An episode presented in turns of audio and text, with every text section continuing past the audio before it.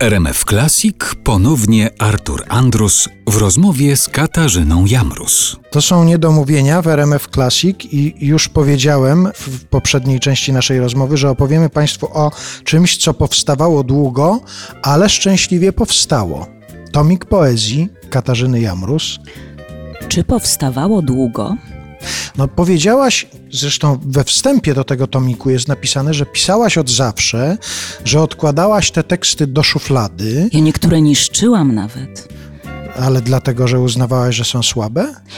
Nie wiem, nie, nie. Tak kiedyś przeczytałam, że jeden z poetów niszczył swoje wiersze i też tak postanowiłam robić, ale to miałam wtedy chyba jakieś 15-16 lat.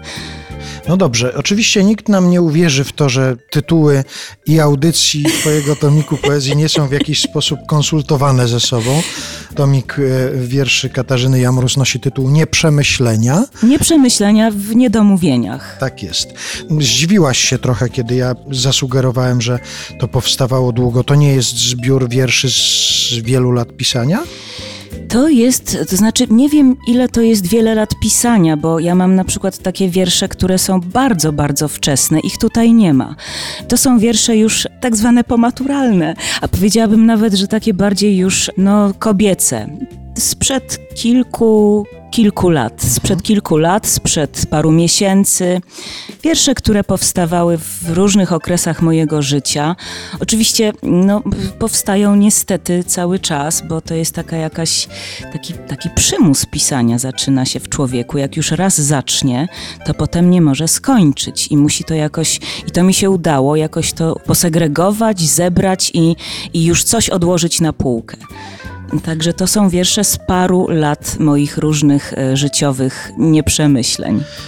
No ale to jest jeden moment, kiedy człowiek decyduje się, że będzie pisał, że to, co mu w duszy gra, będzie próbował przelać jakoś na papier i zbierać, nawet do tej szuflady odkładać te teksty, ale drugi moment jest taki, kiedy odważa się pokazać to światu. Dlaczego? Kiedy nastąpił ten moment, co było impulsem do tego, że ty jednak zdecydowałaś się to wydać i pokazać ludziom? Ja się tyle razy w życiu przeprowadzałam, że te szuflady już naprawdę, o niektórych szufladach bym nie pamiętała. Natomiast pojawił się taki moment, że no, ktoś się tą po, moją poezją zachwycił. Mój cudowny, wspaniały, mogę powiedzieć, znajomy przyjaciel, który pisał dla mnie e, w moich wczesnych latach śpiewania piosenki, profesor Bronisław Maj, powiedział, jak przysłałam mu takie nie, nie bardzo obrobione te wiersze, powiedział, że to jest kawał dobrej poezji. No i jakoś mnie to tak utwierdziło w tym, że, że warto, że może trzeba, że a jak umrę, a jak mnie przejedzie tramwaj i te szuflady gdzieś ktoś, nie wiem, Czyli zutylizuje. Ze, ze strachu. ze strachu, tak, tak, absolutnie ze strachu. Tak. A poza tym przestałam mm, grać w teatrze, przestałam biegać na próby, na spektakle, jeździć z różnymi wspaniałymi komediami po Polsce i przestałam też śpiewać na różnych scenach. No i coś z tym czasem trzeba było zrobić. E, no i wydałam tomik.